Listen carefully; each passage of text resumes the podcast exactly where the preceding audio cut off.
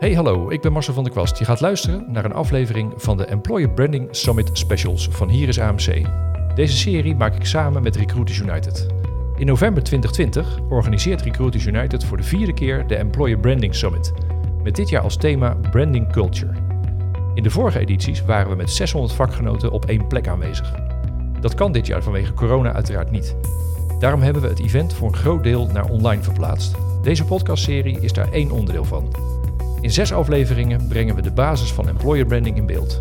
Van strategie tot zichtbaarheid, van cultuur tot cijfers en van EVP tot contentplan. In iedere aflevering zit er een aantal vakgenoten aan tafel, waardoor je een lekker breed beeld krijgt van de employer brand praktijk in Nederland. Je gaat nu luisteren naar een aflevering over het werkgeversverhaal. Hoe leg je daarmee een goede basis voor al je employer branding?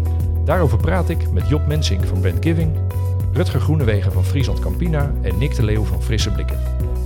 Voor alle afleveringen in deze serie kun je kijken op recruitersunited.com of op hierisamc.nl.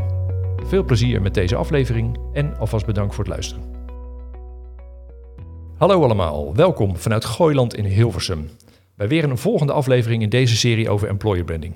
In deze aflevering gaan we praten over de basis van je employer brand. Je werkgeversverhaal of je employer value proposition, EVP of EVP. Dat, uh, nou, iedereen noemt het anders en bedoelt ongeveer hetzelfde. Juist daarover gaan we het hebben. Uh, wat is een goed EVP en hoe werk je ermee in de praktijk? Vandaag drie mensen aan tafel. Welkom allemaal. Uh, mijn expert van vandaag is Job Mensink van Brand Giving. En we hebben twee werkgevers aan tafel. Nick de Leeuw van Frisse Blikken en Rutger Groenewegen van Friesland Campina. Welkom allemaal, leuk dat jullie er zijn. Goedemorgen. Goedemorgen. Um, ik begin met jou, uh, Job. Uh, even heel kort, stel je voor, wat, wat, wie ben je, wat doe je? Uh, Job Mensink, ik um, ben um, employer brand enthusiast, zoals ik het altijd probeer te omschrijven. lang bij Philips gewerkt, daar uiteindelijk global employer brand manager geworden en sinds tien jaar consultant.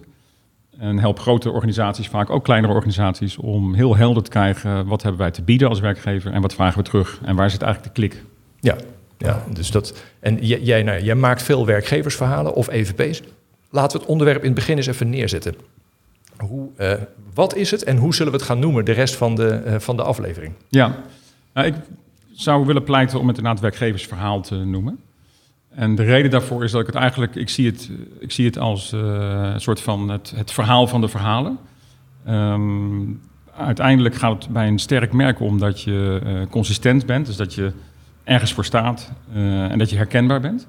En ik denk dat dat de, de rol is eigenlijk van dat werkgeversverhaal. Uh, namelijk afbakenen van uh, ja, waar gaan we straks de dialoog over aan of waar gaan we over vertellen.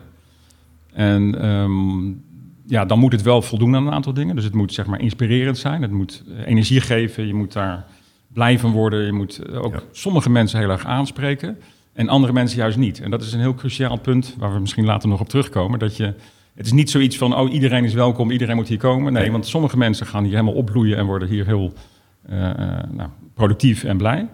En anderen niet. En dat moet eigenlijk heel erg duidelijk worden uit dat werkgeversverhaal. Ja, ja, mooi. Dat is gelijk al, weet je, ik zit in mijn hoofd een beetje te turven van, oké, okay, wat kunnen we zeggen wat het wel is en wat het niet is.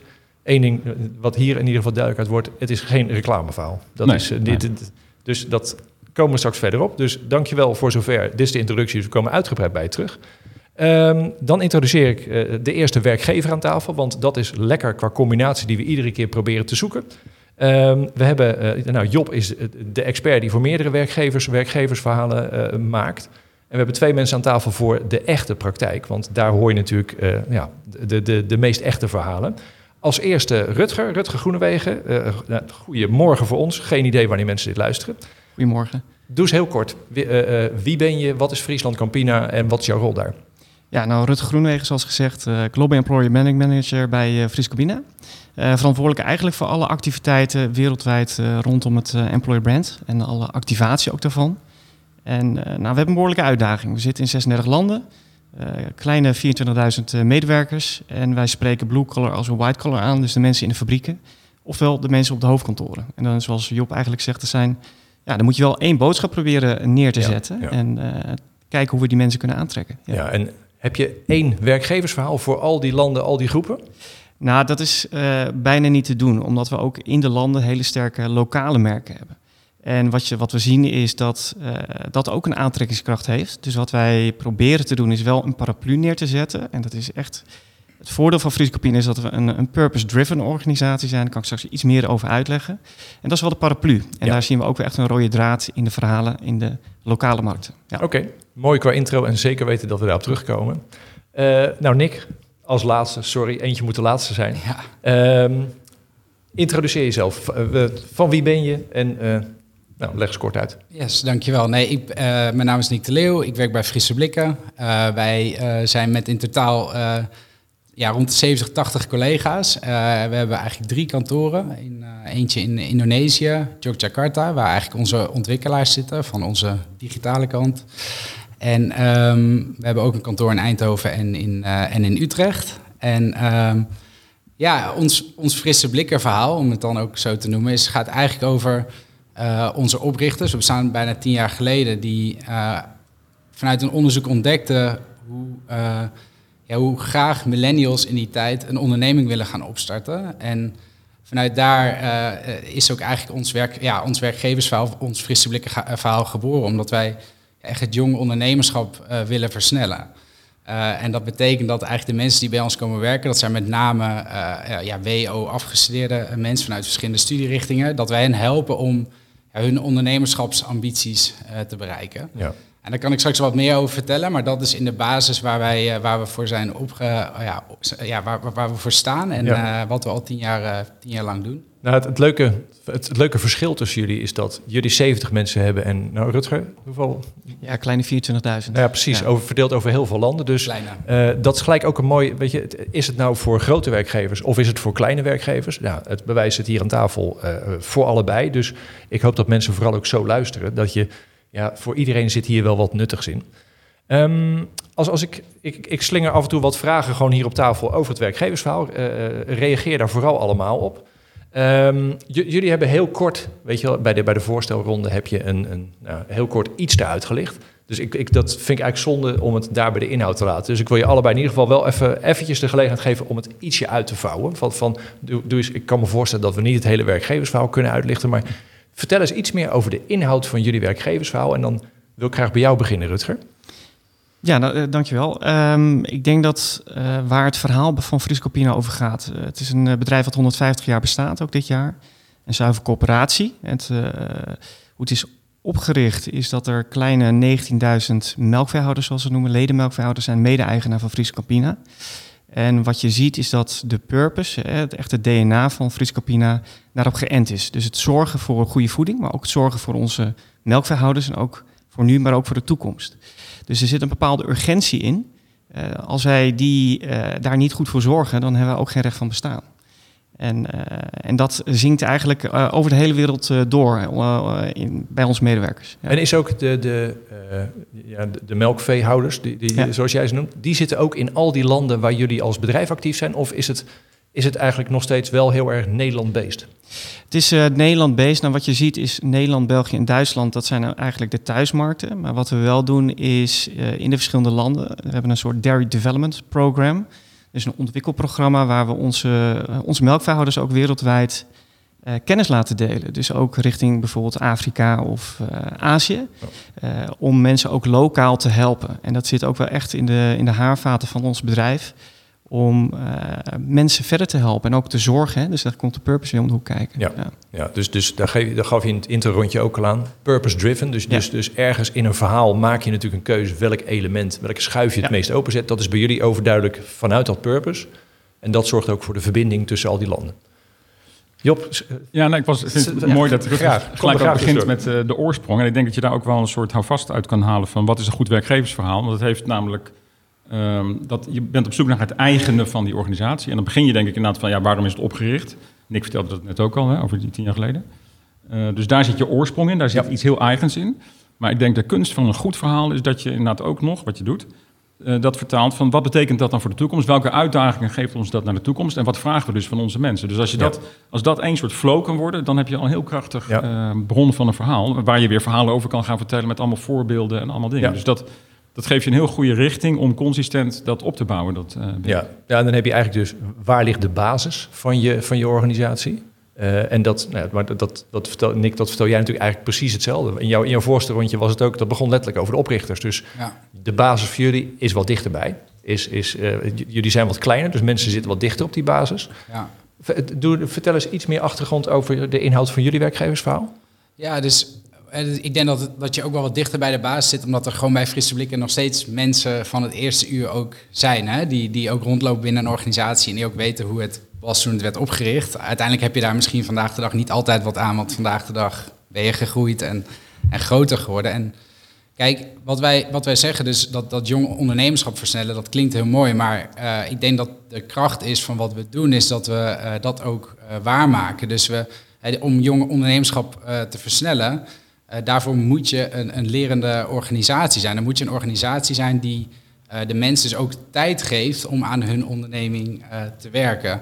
En dat, dat is ook wat we doen. Dus wat je, als je bij Frisse Blikken komt werken, dan werk je eigenlijk vier dagen per week werk je, eh, op projecten eh, bij, bij organisaties. Eh, want dat is in de basis gewoon de dienstverlening die wij, die wij aanbieden. Eh, ehm, en vanuit die eh, projecten, eh, eh, naast die projecten, heb je eigenlijk één dag in de week die je kan besteden aan je persoonlijke ontwikkeling.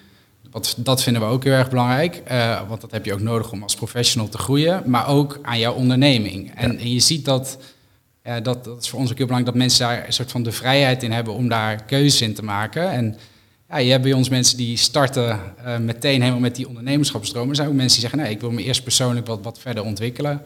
Ehm, en daar bieden we eigenlijk eh, in, een opleidingsprogramma in aan die, dat, eh, die mensen doorlopen. Met ook een individuele coach en een talentontwikkelaar die, je- die je hebt.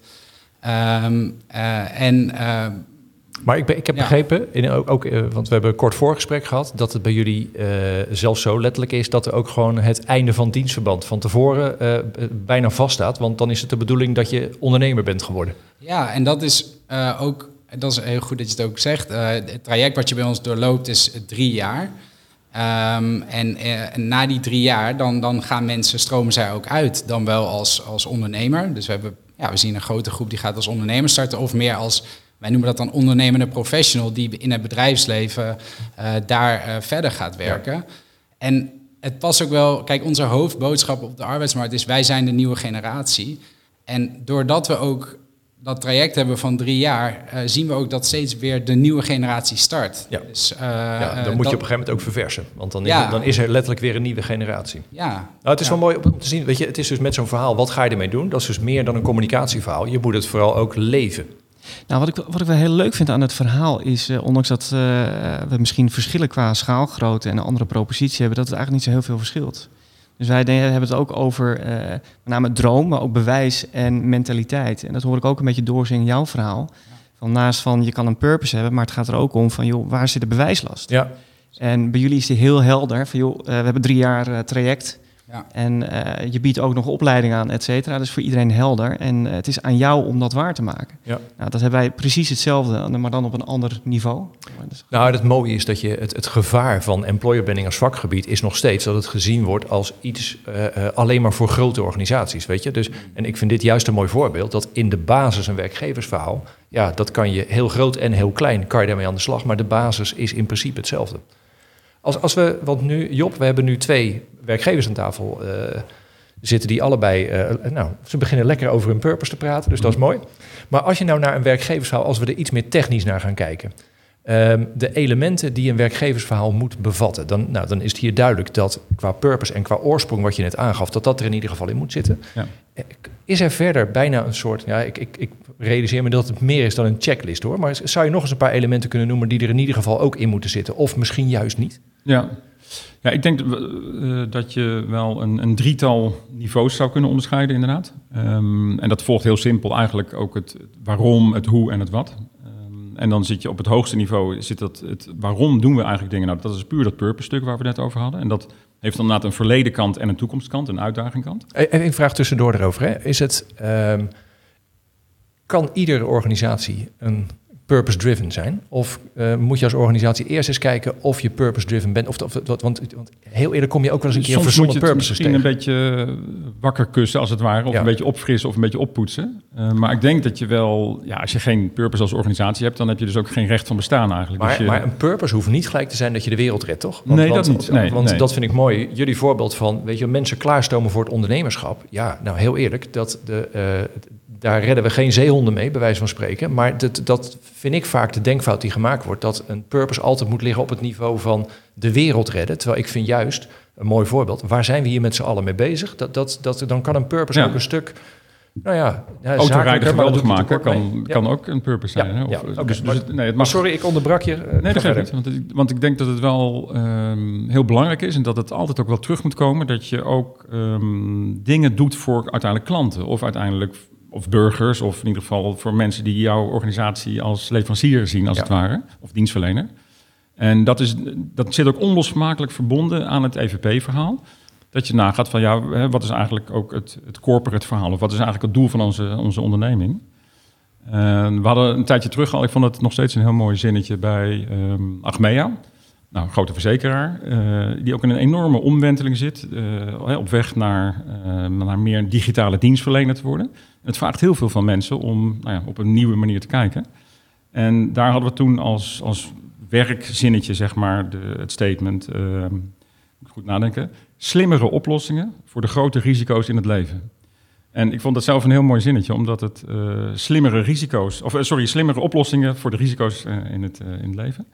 En slimmere oplossingen is eigenlijk de uitdaging die je dus neerlegt voor die mensen die daar aan de slag gaan. Eh, maar je geeft ook gelijk aan van ja, waarom doen we het hier? Nou, om te zorgen dat met inkomen of ziekte of brand of allerlei onheil, dat je daar dus mee om kan gaan. Dus, dat, Ja. dus dan heb je eigenlijk een soort van bouwsteentje die heel erg met het corporate verhaal te maken heeft, met klanten. Ja. Maar die ook tegelijk dat koppelt aan de uitdaging voor, voor mensen. Dus dat, dat vond ik in die zin een goed eh, voorbeeld daarvoor. Ja. Ja. Dus je hebt het bovenin dat purpose gedeelte. eh, en uiteindelijk heeft het ook met impact te maken. Van heb jij daar impact op natuurlijk. Maar de kern van het verhaal zit op dat eh, doel. En het middelste gedeelte is misschien nog wel belangrijker. Dat is echt het people gedeelte van ja, eh, hoe zit de cultuur in elkaar? Hoe worden beslissingen hier genomen? Voel ik me daar goed bij? Krijg ik energie van mijn collega's? En daar kan je dus ook heel veel voorbeelden van geven. Om duidelijk te maken van ja, ben jij daar blij mee of word je, eh, of, of word je daar gefrustreerd van? Ja, En, Pas je hierbij. En het onderste laag is, is ook belangrijk, maar die, is wat minder, die heeft wat minder te maken met dat je daar heel betrokken en bevlogen van wordt. Maar die kan dat wel voorkomen. En dat is dan meer op de, eh, de arbeidsvoorwaardelijke kant van Ja. opleidingen, salaris, doorgroei, carrièreachtige Ja. dingen, zeg maar. Die zijn natuurlijk super belangrijk, maar die cultuur en die purpose, dat zijn eigenlijk de dingen waar mensen echt helemaal Ja. blij van worden. Nou, mooi, want dat, dat is gelijk weer een mooie gelegenheid om naar de overkant te gaan. Want dan gaan we de praktijk even checken of, of dat lijstje van jou wel klopt, Job. eh, want dat eh, kan je natuurlijk altijd wel zeggen. Ehm, als je die, de, de, de cultuurlaag neemt, hè, dat is ook het, het overkoepelende thema van de Employer Branding Summit, branding culture. Ehm, hoe hebben jullie ervoor gezorgd dat je cultuur in je verhaal zit? Dat het, dat, het, nou ja, dat het letterlijk de cultuur vat en omschrijft. Wil jij beginnen, Nick? Ja, dus ik, ik denk, kijk, als je, als je kijkt naar onze cultuur, dan, eh, ja, dan kenmerkt zich dat wel heel erg door eh, dat, dat, dat, dat, nou ja, het ondernemerschap. hebben die we, dus we hebben ondernemende, ondernemende mensen in, in de organisatie die, die graag dingen willen doen. Dus eh, eh, dat, dat wil je heel erg laten zien, ook Ja. eh, naar de buitenwereld. Hè. En bijvoorbeeld als, als een eh, oud-collega eh, een eh, succesvolle onderneming heeft opgezet... of in ieder geval met ondernemerschap bezig zijn is... dan wil je dat ook laten zien. Dat is ook een stukje bewijs van... Hey, het is niet alleen dat we dat claimen, maar er zijn daadwerkelijk ondernemers die, eh, die iets neerzetten. Ik denk ook gewoon wat voor ons, ja, dat was gewoon heel erg de, de fun en echt de verbinding met elkaar. Dat, dat is ook super belangrijk in onze, Ja. in onze cultuur. Eh, en, en hoe doe je dat? Ik, ik merk wel nu in deze tijd is het gewoon wat lastiger om die verbinding echt op een bepaalde manier op te zoeken. Maar door hoe ondernemend wij zijn, eh, bedenken we wel allerlei initiatieven. We hebben aankomende vrijdag hebben we eh, een, een lunch eh, weer gewoon digitaal met elkaar. En gaan we allemaal in groepen. We gebruiken daar een hele leuke, leuke tool voor. Dat heet Remo. waarbij je allemaal digitaal aan tafels bij elkaar kan gaan zitten. Ja, het is allemaal niet natuurlijk het ideale plaatje. Maar onze vrijdag was altijd heilig. Dan Ja, was altijd ja. iedereen op ons kantoor. En zag je elkaar allemaal. En dat, dat missen mensen wel Ja. heel erg. Dus eh, daar probeer je dan eh, nu eh, oplossingen voor te bedenken. Ehm, Maar, maar nou Ja. is dat wat je doet met je verhaal. Ja. Maar bij, als je zo'n verhaal benoemt. Want, want, want hoe zorg je ervoor? Nou ja, kijk, bij jullie is natuurlijk eigenlijk dat ondernemerschap... Wat, je, wat, wat aan de ene kant je purpose is... daar zit ook automatisch bijna een hele cultuurcomponent in. Want dat is een soort drive bijna. Dus dat zal bij jullie heel dicht bij elkaar liggen. Rutger, als, als jij dat voor jullie aan moet geven... Hoe, hoe, want dat lijkt me het ingewikkelde om de cultuur... van centraal uit te benoemen. Maar toch zou je er iets mee moeten. Hoe hebben jullie dat gedaan in het werkgeversverhaal? Ja, dat is, dat is een moeilijke uitdaging binnen Fries Campina. Maar wat je wel ziet, uh, er is een krachtige Nederlandse basis. Hè. Het is een Nederlands bedrijf en dat zie je ook terug in de cultuur. Uh, het is ook een platte organisatie, ondanks dat we wereldwijd actief zijn. en je ziet het ook terug in een soort uh, nou, gedrag, hè, dus ook uh, de mentaliteit, dus ondernemerschap, durf, hè, dus ook zorg dat je ja. ook contact met elkaar hebt, maar ondernemen ook zaken. dus we hebben bijvoorbeeld een Milky Beter, dat is in onze innovatieclub. men staat open voor nieuwe ideeën. En dat, zit, dat komt uit de mensen zelf. Hè, dus het is niet iets wat je, wat je opgelegd krijgt, dat moet ontstaan. Nou, wat we wel hebben gedaan in, in ons verhaal is dit wel proberen te vangen. En wat ik wel mooi vond, we hebben een aantal workshops ook in Gehad. En daar zingt ook een beetje de boerenwijsheid komt daar uh, doorheen. Dus ik had een managing director in, uh, in Maleisië die zegt van ja jongens, a cow is a shit is a shit. En dat vond ik wel een hele mooie uitspraak, want dat zinnetje typeert ook heel duidelijk, jongens, sla het plat, dit is wat het is. En zo kijken Nederlanders ook vaak naar problemen. En die proberen we ook terug te brengen in de EVP. En ook nu zijn we bezig met een creatief verhaal. En dan komt hij ook echt terug. Ja, ja. En dan is dus, dan wat je aangeeft, is dat dus je, de, toon van je werkgeversverhaal, weet je, dat moet meer zijn dan een soort zakelijke opsomming. Dat, ja, dat, maar het is ook wel de emotionele connectie die je probeert te maken. Want we hebben het vaak over bewijslast. Hè? Dus ook de mensen die bij, bij ons werken. Uh, dat is de cultuur. En, en, en dat is een beetje de hart en ziel van je organisatie. Ja, die moet, je, die moet je zien te vatten in, je, in, in, je verhaal. In plaats van dat je heel erg sturend gaat proberen te zijn op die cultuur. Klopt. Ja. En dan is het andere wat in eh, de opzomming van Job eh, voorbij kwam, is um, een, een, een, werkgeversverhaal raakt natuurlijk de andere verschijningsvormen van je merk. Weet je, dat, dat, uh, waarbij nou ja, frisse blikken ligt qua merk een stuk dichter bij elkaar. Jullie hebben een heel uitgesproken commercieel merk. Tenminste, jullie hebben een, aantal commerciële merken. Hoe, hoe um, zuiver werkgeversgericht moet een werkgeversverhaal nou zijn? Ja, vanuit Friese Cabine moet het heel zuiver zijn. Kijk, natuurlijk, uh, iedereen kent ons van, uh, van de, de chocomels in Nederland, de zuivel. Hè? Dus uh, hoe zuiver moet het zijn? Ja. Um, nee, maar ook aan de B2B-kant, kijk, hoe zuiver moet het zijn? we ontwikkelen ook producten voor atleten en ook voor baby's bijvoorbeeld. Ja. ook voor de farmaceutische industrie. Dus er zit een bepaalde credibility. Je moet wel geloofwaardig zijn. En uh, wij hebben er niks aan als we mensen aantrekken met een verkeerd verhaal, een verhaal waar men uh, dus niet mee connect en binnen een jaar weer weggaat, want we investeren daar ook behoorlijk in. Ja. En wat is, wat is dan zeg maar de aftakking die je maakt? Hè? Want ergens begint het allemaal natuurlijk wel bij hetzelfde merk. Alleen je gaat dan als werkgever ga je een andere kant ervan belichten. Ja. Maar als jij tegen mij praat als doelgroep, dan heb ik toch, ik heb maar één beeld van Friesland Campina in mijn hoofd. Dus, dus ik, ik kan niet scheiden wat jij als signaal op mij afvuurt als werkgever, of wat ik van een commerciële campagne, of misschien word ik wel afgesneden door een vrachtwagen van jullie, weet je. Dan, dat is allemaal in mijn hoofd, telt het op tot één indruk. Hoe, hoe, ja, hoe mag je werkgeversverhaal daar uh, tussendoor fietsen? Want ja, of heel plat gezegd, mag je de dingen uit het corporate merk of uit commerciële merken, mag je erin in, in opnemen? Nou, we, we, gebruiken niet de propositie van Chocomel in ons uh, werkgeversverhaal. En ik denk dat het ook niet nodig is, want dat zijn, dat zijn al sterke merken. Ja. Maak er wel gebruik van. Hè? U kent ons van. Ja. Uh, maar wat we, wat we proberen te doen is het hoge oververhaal. En dat is onze purpose. Nourishing by nature, dat is onze purpose. Die hebben we vertaald richting een werkgeversverhaal. En wij noemen het een EVP, om dat ook nog maar even te duiden. Ja. Um, en daar proberen we de emotionele connectie te maken. Dus het gaat veel meer van stay true to your nature. Hè? Wie ben jij als persoon? En bij ons kun je ontwikkelen. En het kan in verschillende takken. Dus je kunt als uh, storingsmonteur aan de slag, maar je kunt ook als uh, branding manager bijvoorbeeld aan de slag. Ja, en, allemaal, en die proberen te vertalen. Precies, en allemaal denk, vanuit die ene. Ja. Okay. Ik denk dat een goed principe daarbij is dat je een soort van borrow en build hebt. Dus je, dus je leent dingen van elkaar, ja. en, maar je bouwt er ook weer op en je voegt er natuurlijk ook wel iets aan toe. Ja.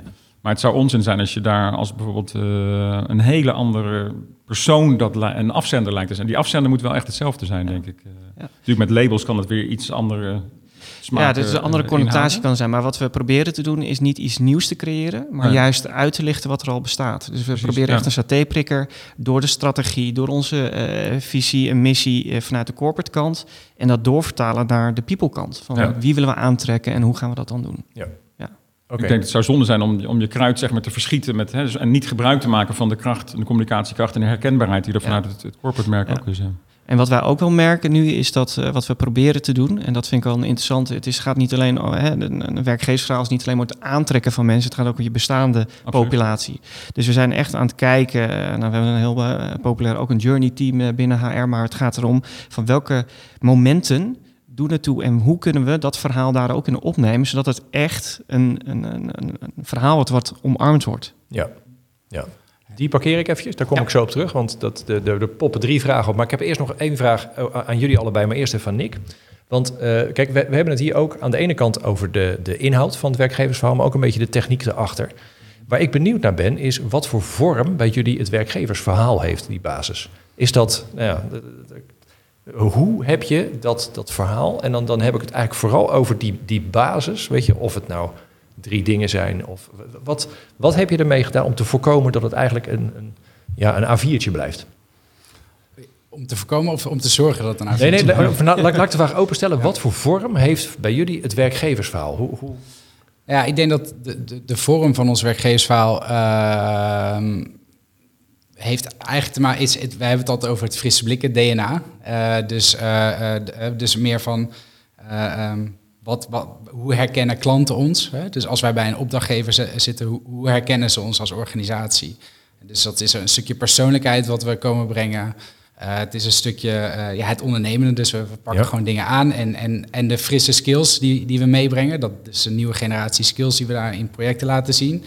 Um, dat is een onderdeel van het, uh, van het DNA. De andere is meer van, um, ja, wij noemen dat, hoe ervaart iemand frisse blikken? Dus als je bij ons komt werken, hoe, hoe beleef je dat dan? En daar hebben we eigenlijk de, de vier V's. dat is dan vertrouwen, uh, verantwoordelijkheid, uh, verbinding en verant vertrouwen, verantwoordelijkheid, verbinding en ik vergeet één. Dat is ook met een V. Uh, vrijheid. Ja, dat is hem. Ja, mooi. Drie is altijd beter dan vier.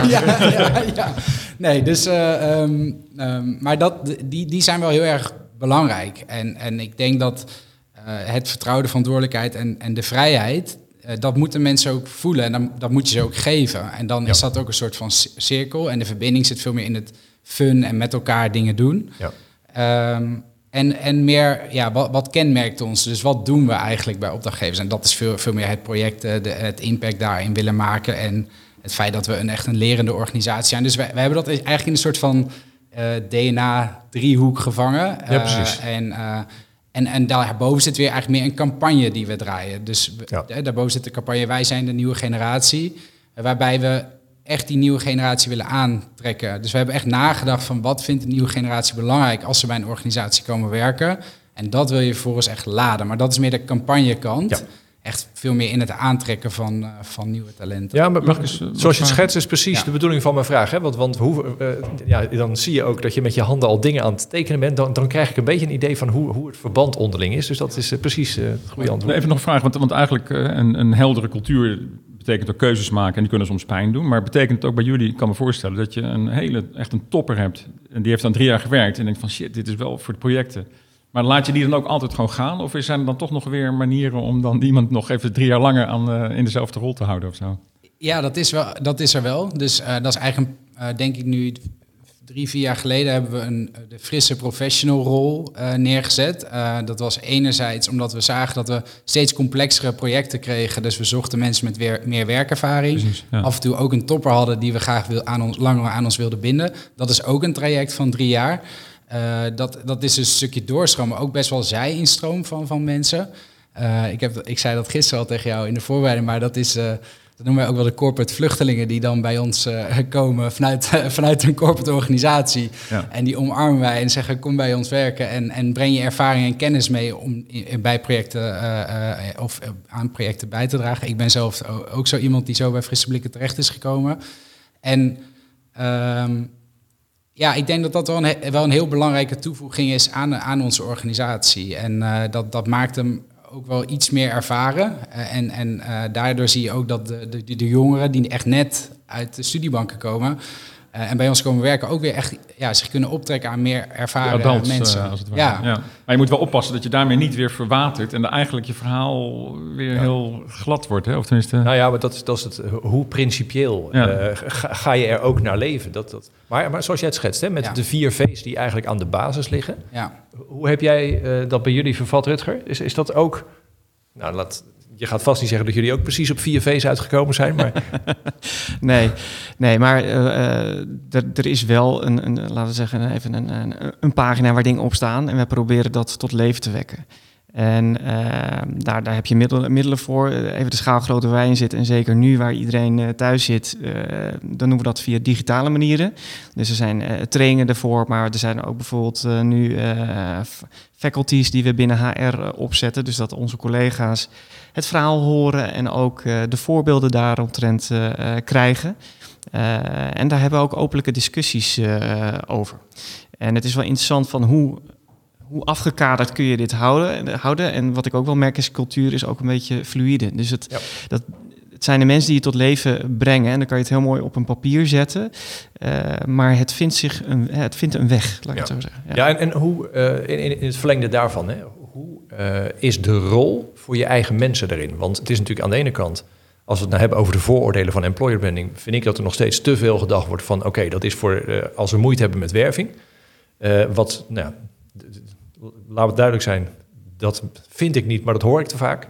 De eigen mensen, die zijn, die zijn, zoals je net ook aangeeft, daar haal je het verhaal in eerste instantie op. De cultuur, die zit bij je eigen mensen. Maar je hebt ergens, als we het echt even communicatietechnisch gaan benoemen, heb je natuurlijk je, hebt je identiteit en je hebt je imago. En dan heb je van allebei ook nog een gewenste variant en een werkelijke variant. Waar zit je werkgeversverhaal? Is, dat nou, is het werkgeversverhaal nou de identiteit zoals die nu is? Is die het imago zoals je het wil hebben? Zit die er ergens tussenin? Hoe, hoe, nou, laat, ik bij laat ik bij Job beginnen. Waar zie jij het werkgeversverhaal? Ja, nou, ik denk dat je... We hebben daar een soort 80-20 regel voor, als het ware, als we dat opstellen. En dat betekent dat je moet het voor 80% echt al waarmaken. Maar je moet ook echt wel een ambitie of een aspiratie daarbovenop hebben. Die, die maakt het spannend. Dus, dus je zet, schippert er een beetje tussendoor, als het ware. Ja, dan kunnen ook alle afdelingen daar hun plannen in kwijt, namelijk. Als ja, het, ja precies, precies. Maar dat maakt het ook spannend om, om naar de toekomst en om een verhaal te hebben van... hé, hey, we hebben meer mensen nodig. En ook de mensen die er zijn, die willen we nog helpen om beter te worden. Want hè, dit is waar we, waar we heen gaan. En dat groei is, is eigenlijk altijd aantrekkelijk. Ja, ja. Dus dat is, dat is herkenbaar bij jullie? Ja, ja wij, gebruiken ook die 80-20, maar ook daar ontstaan dus over die 20% ontstaan dus discussies. Ja, ja. Dus als je een mooi verhaal hebt en zegt ja, maar er, er zitten een aantal dingen niet in wat we wel willen zijn. Ja. En, en dat, dat brengt dus vaak, voert dat de boventoon, omdat we dan die 80% even vergeten wie we in de kern zijn. Wat juist uh, een, een, een, grote aantrekkingskracht heeft voor eigen mensen en ook voor nieuwe mensen. Ja. Ja, en dat is een beetje die basis waar we net in het begin over, schets je basis, maar ga wel uh, van daaruit schetsen welke kant je op aan het gaan ben of wil. En is dat, uh, hebben jullie ook zo'n, uh, laat ik zeggen, hoeveel ambitie zit er bij jullie in, hoeveel werkelijkheid? Ja, gewoon zeker wel 80% werkelijkheid en ook een stukje wel ambitie. Dus ik denk als je het hebt over wij zijn een nieuwe generatie, wat, wat wij nu zien is dat we zijn opgericht door millennials, maar er komt nu generatie Z komt eraan. Dus wij, wij zijn ook heel erg bezig met de ambitie, de nieuwe generatie, die claim, daar staan we voor. Maar hoe zorgen we ook dat we weer uh, uh, echt 100% gaan aansluiten op wat die nieuwe generatie wil? Dus wij zien ze nu wel als starten binnen ons bedrijf. En het is super leuk en, en interessant om te zien dat zij zijn echt met diversiteit, inclusief werkgeverschap, duurzaamheid, vitaliteit. Dat zijn, daar, komen, daar, daar, willen zij echt iets mee gaan doen. Hè? Dus weer het ondernemerschap, daar willen ze iets op gaan neerzetten. Dus wij moeten ook weer nadenken van hoe gaan we dan zorgen dat we ook er voor die nieuwe generatie zijn. Daar zijn wij nu echt mee bezig. Omdat je ziet dat de oprichters en de mensen die ja. Uh, ja in het, het, strategische team zitten van Frisse Blikken, dat zijn meer de millennial groep eigenlijk. Dat is best wel interessant. Die zijn eigenlijk bijna achterhaald. Want en over twintig jaar... ja, maar hoe ga je... Oude dus, grijze mannen, vrouwen. Maar. maar. Maar, het is wel zo dat, dat onze oprichters zijn uh, uit de organisatie gaan en hebben dat uh, het, het, eigenaarschap van de organisatie wel overgedragen aan mensen die ooit daar uh, misschien de, de, tweede of derde ja. medewerker en de zesde medewerker was binnen Frisse Blikken. Dus, dus we hebben, zij hebben letterlijk het ondernemerschap overgedragen aan de mensen waarmee ze Frisse Blikken zijn gestart. En, um, maar dat, dat is waar wij wel weer over aan nadenken van hey, het imago, nieuwe generatie. Hoe blijven we dat ook? Ja. En hoe, blijven, hè, hoe gaan we dat ook weer waarmaken de komende jaren? Ja, mooi verhaal. Mooi. Ik vind wel een interessante, mag ik, mag ik even op inhaken, van hoe uh, vanwege die toch al grote snel, omloopsnelheid en korte, korte duur, zie je dan verandering dan ook in cultuur ontstaan? Uh, ja, dat, dat zie je wel. En ik, uh, maar, maar dat gaat langzaam. Hè? Dus, maar er starten ja, elk jaar toch wel 20, 25 nieuwe mensen. En we nemen ook elk jaar van twintig mensen afscheid. Dat zijn we ook gewend. Ik ben gewend om afscheid te nemen bij Frisse Blikken. En dat, dat doen we ook altijd op een hele mooie, mooie manier. Weer vanuit die verbindings, verbindingsgedachte. Ehm, maar je ziet dat wel. En ik vind het vooral nu heel erg met de, echt de nieuwe jonge mensen die binnenkomen. Die, ja, die zeggen, ik wil iets gaan doen met vitaliteit. Ja, ik heb, ben nooit zelf zo begonnen met werken. En uh, ik dacht eerst, dacht ik ook van, wat, wat, wat, wat, wat, wat moet ik hiermee? Uh, maar toen dacht, daarna heb, heb ik gewoon een knop omgezet van hoe inspirerend en vet is het dat zij daar iets in willen gaan doen.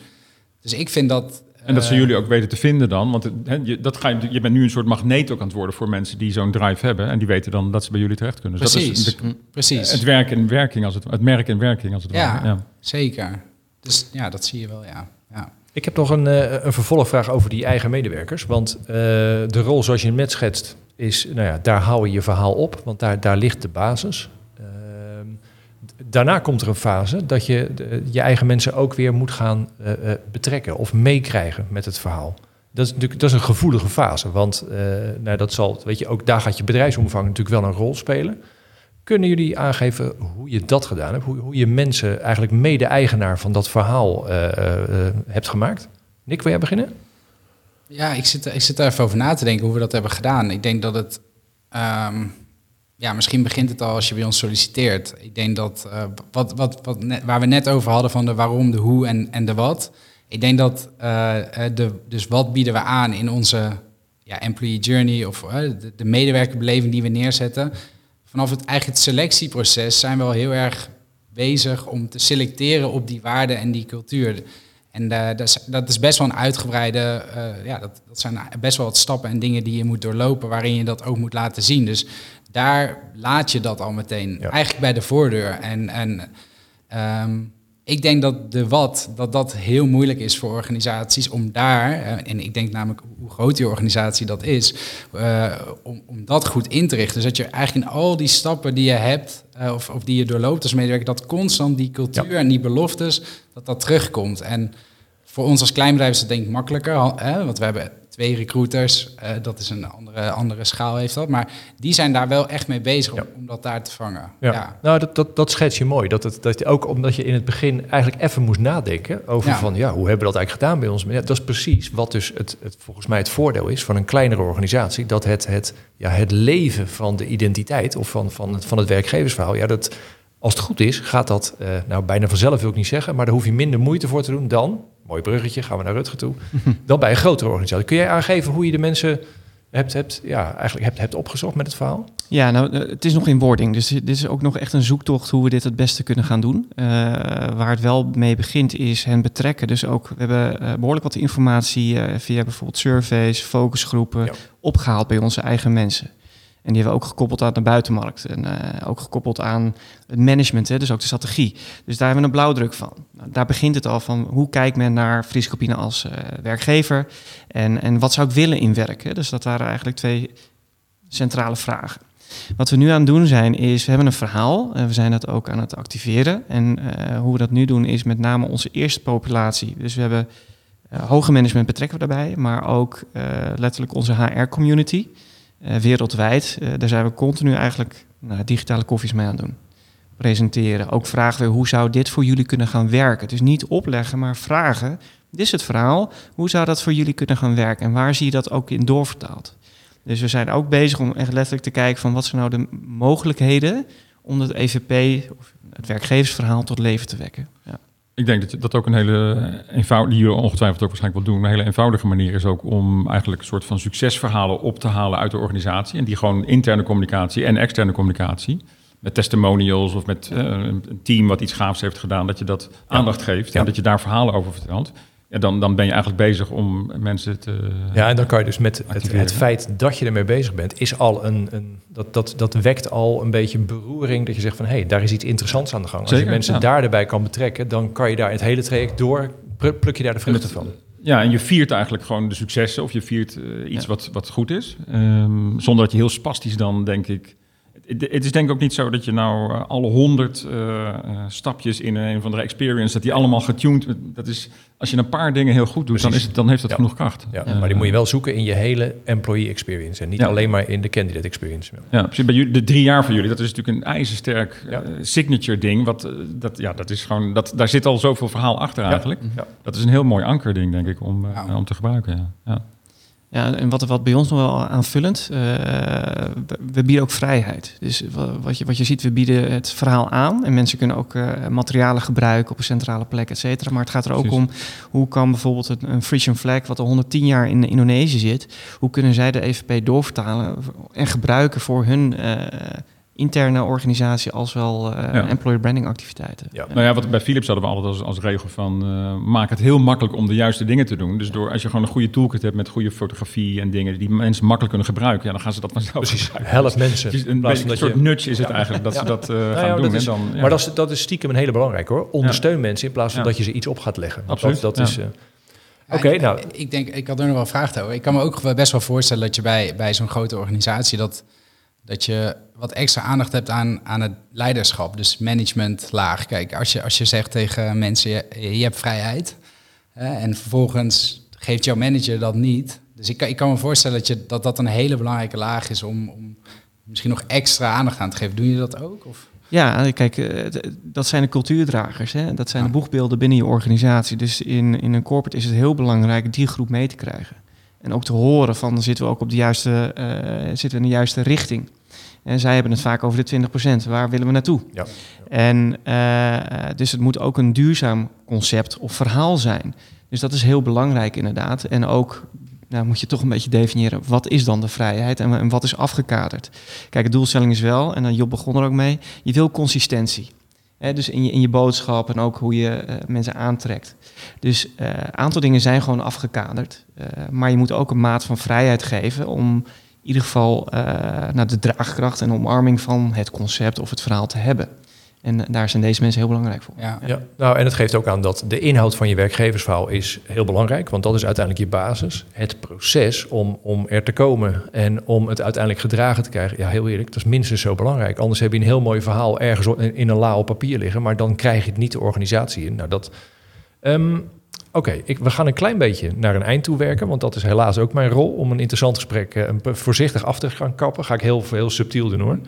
Ehm, ik ga jullie straks aan het eind allemaal nog vragen om eh, één tip te geven vanuit dit verhaal aan de mensen die, eh, die dit uitluisteren. Gewoon van waar zouden ze, wat zou je ze vanuit dit hele verhaal mee willen geven om, nou, bij wijze van spreken, morgen als eerste te gaan doen.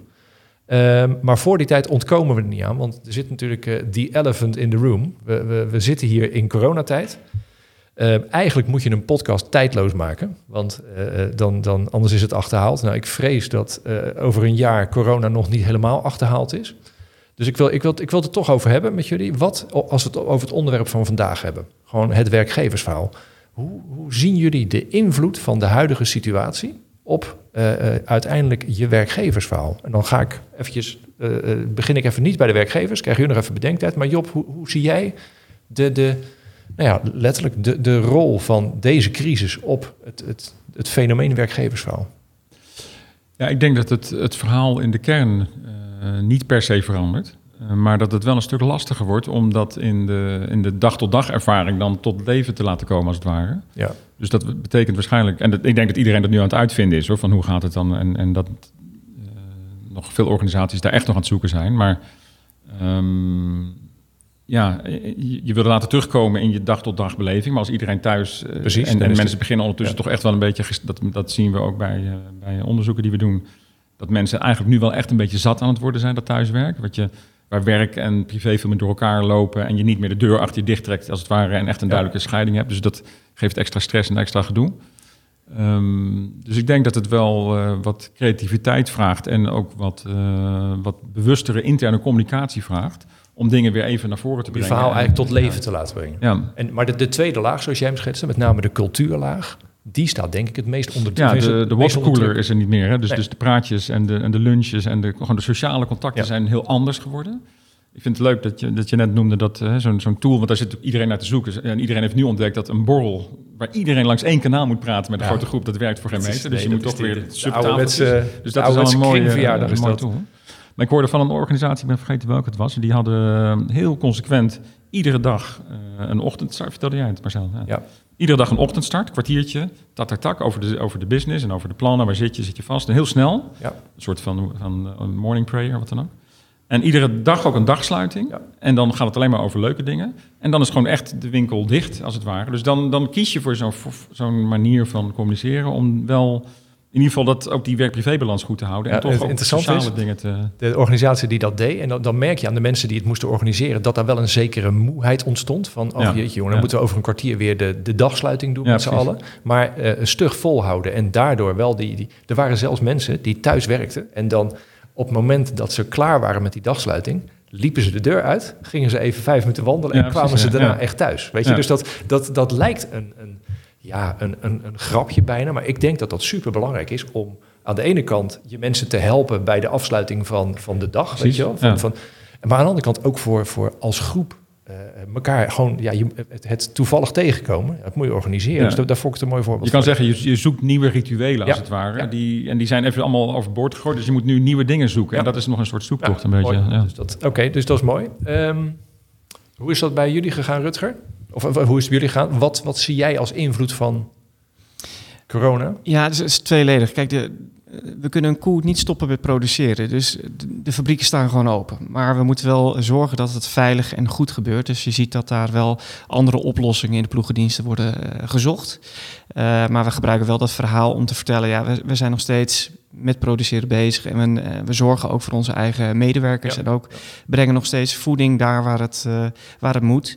We zien ook dat we de distributiekanalen, dus eh, het brengen van, van voeding naar bijvoorbeeld armere gebieden, dat het heel lastig is en dat het ook wat digitaal is gegaan. Dus je ziet daar nieuwe manieren ook aan de, aan de businesskant met name ontstaan. En kijken naar werk, ja, weet je, het, het is ja, een stuk lastiger. En ik denk dat juist het werkgeversverhaal super belangrijk is nu. Dus Ja. ik, ik zie echt de, de, de meerwaarde daarvan in. Eh, ook om te vertellen hoe ziet de wereld er nu uit. En zijn we nog steeds flexibel genoeg ehm, om eh, ons werk te kunnen doen. Ja. En ook eh, mensen nog steeds te interesseren om voor ons eh, te komen werken en, en eh, Ja. nou, onze purpose te realiseren. Dat is een beetje wat het is. Ja, de basis van je verhaal. Als het goed Ja. is, verandert die niet 180 graden door, eh, door deze crisis. Nee. De wereld waar je op aansluit, ja, Ja. die verandert zodanig dat dat. eh, Ja. nou, misschien is het ook wel een soort 80-20 regel bijna. Dat, dat. En Nick, hoe is het bij jullie? Ja, nee, ik denk, kijk, ehm, eh, wat je merkt bij ons, dat je, eh, we zaten allemaal thuis, er was een schok, toen gingen we weer een beetje naar kantoor en, eh, ik- en nu zijn we weer allemaal thuis. En wat ik denk is dat de business gaat maar door en, en mensen die hebben het best wel, ja, die hebben het best wel pittig. We hebben ook veel ja, mensen die nog met huisgenoten samenwonen en dan zijn alle zes huisgenoten, die zijn allemaal thuis aan het werken. Nou, ik kan me daar niks bij voorstellen, ik kan me er wel iets bij voorstellen dat dat niet heel prettig is. Ik zou ook zeggen dat iedereen elke organisatie moet echt even iets meer aandacht gaan hebben over vitaliteit. Dus hoe voelen eh, de Ja. mensen zich? Dat, dat is echt heel essentieel, want dat bedrijf gaat maar door en dat maakt omzet en er, er wordt geld verdiend. Maar het is echt een andere context. Dus ik denk dat elke organisatie eigenlijk iets meer aandacht zou moeten hebben voor vitaliteit. Om daar bewuster voor zijn. Een flauw grapje, maar was dat al een van jullie V's, vitaliteit? Nee? Nou, misschien mooi, moeten we de vijf erbij. De vijf dat is. Eh, eh, maar dat zou je... En, en ik denk dat eh, voor, de, voor de langere termijn is het eh, aan mensen uitleggen dat soms gaan, eh, zijn er minder risico's, zonder, soms meer. En, en daar zullen bepaalde ook weer kantoorsituaties bij, bij horen. Dus ik denk dat, dat mensen daar bewust van moeten zijn van dit, dit, dit blijft veranderen, dus accepteer dat. Dat is helaas niet anders. En, en wat ik wel s- een spannende vind, is de blended werkomgeving. Dat dan drie collega's zitten thuis en drie eh, eh, zitten op kantoor. Ja, daar, volgens mij daar zijn nog heel veel oplossingen in te bedenken. Ik weet ze ook niet, maar eh, dat ik kan je niet verstaan of kan je je Ja, camera even draaien. Ja, daar moeten we, je staat daar op moeten we van af. Ja, je staat op mute. We moeten dan dus ook een soort van blended eh, werkomgeving creëren. En dat lijkt me wel heel vet om daarover Ja. na te gaan denken. Nou, en dan, eh, dan vind ik het grappig als jij, zoals jij net schetst, weet je, het, het ondernemerschap, wat, jullie, eh, wat bij jullie de vlag is die hangt, ja, daar gaan interessante dingen verzonnen worden. ja Je weet nog niet welke, maar dat, dat gaat als het goed is borrelen. Dus dat is. zeker. Ja. Ja, mooi. mooi. Ik zit ook te denken nu even heel snel aan het, aan het piramidemodelletje. Van die lagen van boven heb je purpose, dan heb je culture en daaronder heb je die, meer die basisdingen. En ik denk dat werkgevers inderdaad eigenlijk door wat niks zegt, dat je moet gaan kijken, hey, in die basis zitten nu misschien wel dingen fout. Zeker, ja. Op werkplek, op rust, op gewoon op techni- het scherm wat je hebt. Dus, Ja. weet je, dus daar moet je eigenlijk dan ook wel naar kijken. Om te Nou, zorgen en- dat daardoor niet het hele kaartenhuis in elkaar valt. En misschien nog wel meer basic, dat als je bij, bij Friesland Campina, zoals je de fabrieksomgeving schetst, dan is ineens een, een aspect als veiligheid. Tuurlijk, ja, dat is ook... Weet je, dat, eh, dat, is, dat is er bijna eentje die, die eh, in een normale situatie, dan waren we dat Maslow-niveau bijna, weet je, dat vonden we gewoon. ja. Nu heb je daar ineens, moet je heel veel aandacht voor hebben. En is dat ook iets wat mensen, eh, ja, waar je, waar En je dat, kunt... en dat zal in de werkplekken nu wel redelijk op orde zijn overal. Maar in de thuissituatie vraagt dat nu wel aandacht om te Ja. zorgen dat dat in ieder geval Ja. ja, te doen is als het ware. Ja. Oké, nou mooi. Die, die, eh, laat ik zo zeggen, dat, dat, dat rondje moesten we even maken om het erover te hebben. Nu eh, naar, de, naar de slotvraag. Eh, eh, het rondje tips. Nou jongens, wie, wie brandt er om als eerste de tip aan de luisteraar te geven voor morgenochtend?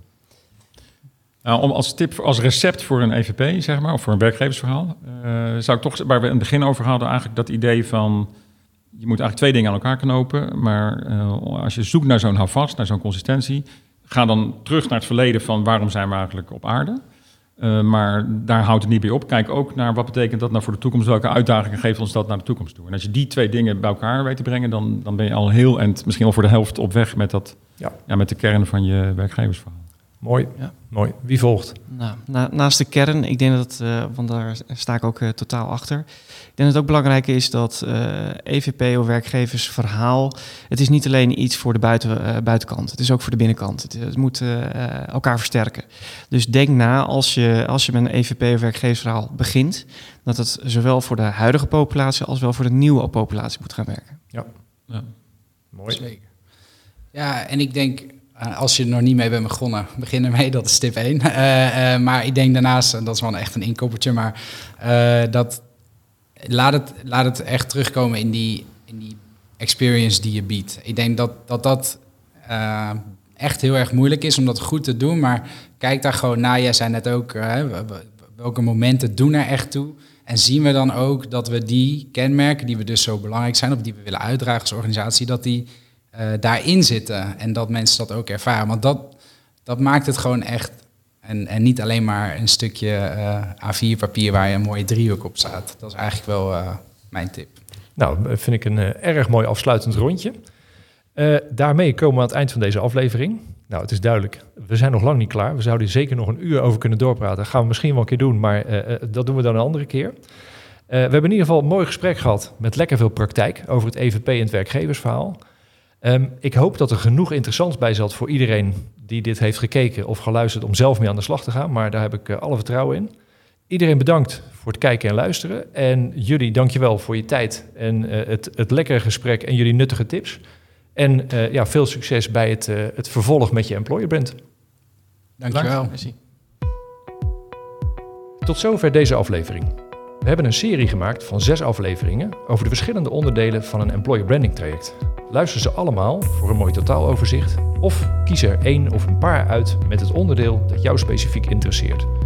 Je vindt alle afleveringen op recruitersunited.com en op hierisamc.nl. Op recruitersunited.com vind je ook meer informatie over de andere onderdelen van de Employer Branding Summit. Op hierisamc.nl vind je ook alle afleveringen van de podcast. Dank voor het luisteren en tot een volgende keer.